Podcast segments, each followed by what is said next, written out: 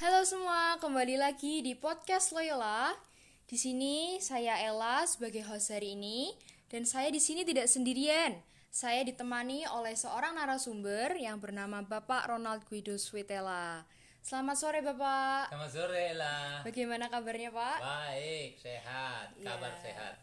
Mungkin Bapak bisa memperkenalkan diri supaya lebih akrab dengan pendengar semua. Oke, baik. Eh, halo pemirsa, saya Ronald Guido Suitela. Saya tinggal di Semarang, tepatnya di Geraha Taman Geraha Taman Pelangi BSB. Dan saat ini saya eh, sudah purna sebagai eh, karyawan dari salah satu BUMN Perum Perhutani dan eh, saat ini sibuk dengan berbagai aktivitas seperti edukasi lingkungan, kemudian eh, pendampingan masyarakat di sekitar hutan, eh, wisata alam dan eh, berbagai hal, khususnya kegiatan di gereja. Baik, Bapak. Sangat banyak sekali kegiatan yang diikutin, Ya. terus juga tugas-tugasnya. Nah, tepat sekali untuk membahas eh, pembahasan kita pada hari ini tentang injunitas. Injunitas itu menurut saya adalah suatu kemampuan yang sangat penting untuk dimiliki oleh seseorang. Kemampuan untuk beradaptasi di suatu lingkungan karena kita sendiri tidak bisa selalu berekspektasi dan selalu berada di lingkungan yang sesuai dengan ekspektasi kita yang nyaman. Mungkin suatu hari nanti kita harus ada di lingkungan yang keras yang mungkin tidak sesuai. Nah, dari pengalaman Bapak Ronald sendiri nih, banyak banget nih pengalamannya. Mungkin bisa diceritakan pentingnya beradaptasi dan apa sih eh, gunanya di kehidupan dalam tugas, dalam organisasi. Kita semua mengalami hidup yang terus berubah.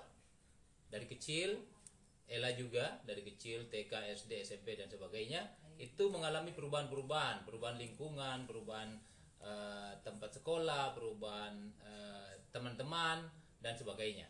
Nah, Om sendiri mengalami banyak sekali perubahan sejak Om kecil sampai besar, bekerja, berkeluarga dan menga- mengalami banyak hal di dunia karya. Terutama di dunia karya, Om mengalami banyak sekali tempat, mulai dari pedalaman Sulawesi Tengah, kemudian pedalaman eh, Rimba eh, Jawa Barat sampai ke Banten, dan terakhir Om di eh, berkarya di Papua, jauh di tengah hutan, karena Om sendiri seorang rimbawan. Om sekolah eh, sebagai eh, rimbawan Indonesia, eh, bersekolah di Fakultas Kehutanan di Universitas Hasanuddin dan kemudian berkarya juga di eh, BUMN Kehutanan yang bernama Perum Perhutani tadi dan eh, juga di banyak tempat yang sama sekali berbeda dengan kehidupan umumnya orang di kampung atau di kota. Eh, perubahan-perubahan itu, perubahan tempat itu memaksa eh, saya untuk beradaptasi. Nah, kemampuan beradaptasi itu saya pelajari di sekolah, tetapi yang paling yang paling banyak saya mengalami sendiri di lapangan. Tidak bisa saya menerapkan eh, apa yang saya terima di sekolah kemudian saya langsung menerapkan eh, mentah-mentah di lapangan, misalnya di eh, eh, pedalaman Sulawesi Tengah yang masyarakatnya berbeda dengan waktu Om lahir dulu. Om lahir di Makassar dan besar di Makassar. Masyarakat di Sulawesi Tengah berbeda, masyarakat di Jawa Barat pun berbeda. Nah, apa yang menjadi eh, modal saya untuk bisa beradaptasi adalah kemampuan untuk eh, mengerti apa yang ada di tempat itu. Apa itu? Misalnya bahasa mereka. Om belajar berbahasa Kaili misalnya di Sulawesi Tengah. Ada juga eh, Pamona. Iya. Kemudian ketika di Jawa Barat, Om harus mau tidak mau berbahasa Sunda. Iya. Itu satu bahasa. Yang kedua, beradaptasi pada pola hidup mereka. Apa yang mereka lakukan? Apa yang mereka eh, apa namanya? eh, kerjakan apa yang menjadi budaya mereka. Kalau mereka senang, bersyukur, apa yang mereka lakukan dan sebagainya dan sebagainya. Nah, pola hidup itu harus oh mengerti. Iya. Ketika saya mengerti apa yang mereka lakukan, saya lakukan eh, eh, pekerjaan yang mereka lakukan, mereka akan menerima saya dan dengan sangat mudah saya bisa berinovasi, Iya. berinovasi terhadap apa saja. Itu juga dilakukan di Papua. Ketika di Papua sangat berbeda dengan orang-orang Jawa Barat. Orang Jawa Barat jauh lebih maju Iya. karena sudah lama berasosiasi dengan segala macam bangsa kan. Iya. Di Papua saya harus pelan eh, memahami mereka dan ketika mereka bisa menerima saya sebagai salah satu anggota keluarga, Iya. banyak sekali inovasi yang keluar. Nah, kemampuan berinovasi eh, mengikuti ketika saya bisa beradaptasi seperti tadi. Iya. Nah, ini yang menarik karena eh, saya melakukan itu dan eh, bagi saya karena memang tidak ada yang pasti toh selalu ada berubah. Iya. Salah satu sa- kata kata orang pintar satu-satunya kepastian di dunia ini adalah perubahan itu sendiri.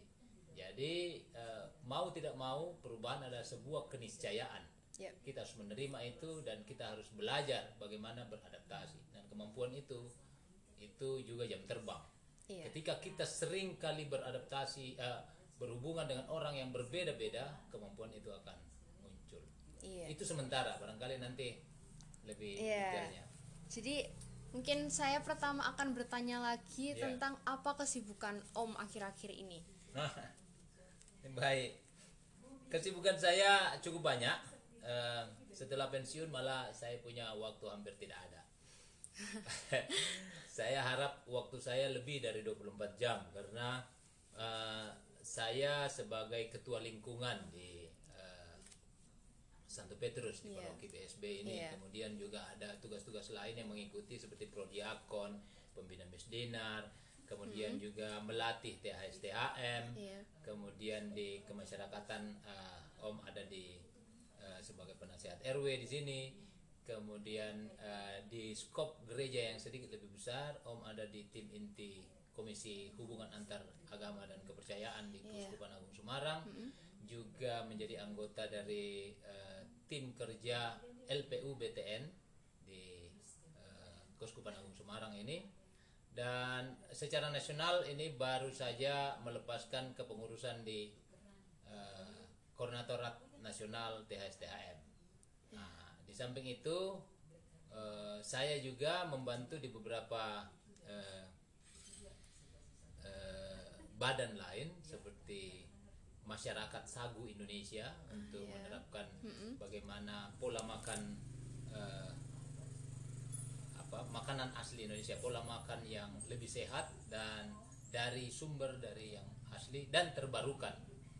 Eh, kemudian saya juga terakhir diminta untuk menjadi penggiat eko ekowisata. Biasa kita dengar eh, sebagai istilahnya ekoturism.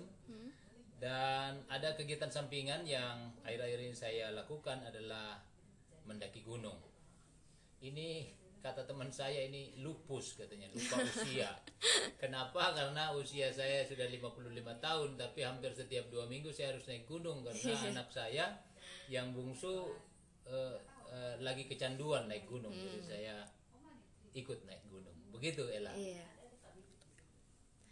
Eh, jadi ya mungkin sekian podcast dari hari ini. Dari sini kita dapat belajar banyak sekali dari narasumber kita Bapak Ronald dan kepenting dan pentingnya ingenuitas, eh, kemampuan untuk beradaptasi dan berinovasi. Dapat kita dengarkan tadi bahwa dengan kemampuan untuk beradaptasi dan berinovasi, kita dapat belajar banyak dari lingkungan-lingkungan baru. Kita juga dapat membawa perubahan ke lingkungan-lingkungan baru dan juga kita sendiri pun dapat mendapatkan manfaatnya dengan belajar kebudayaan baru dan orang-orang baru serta mendapatkan keluarga baru.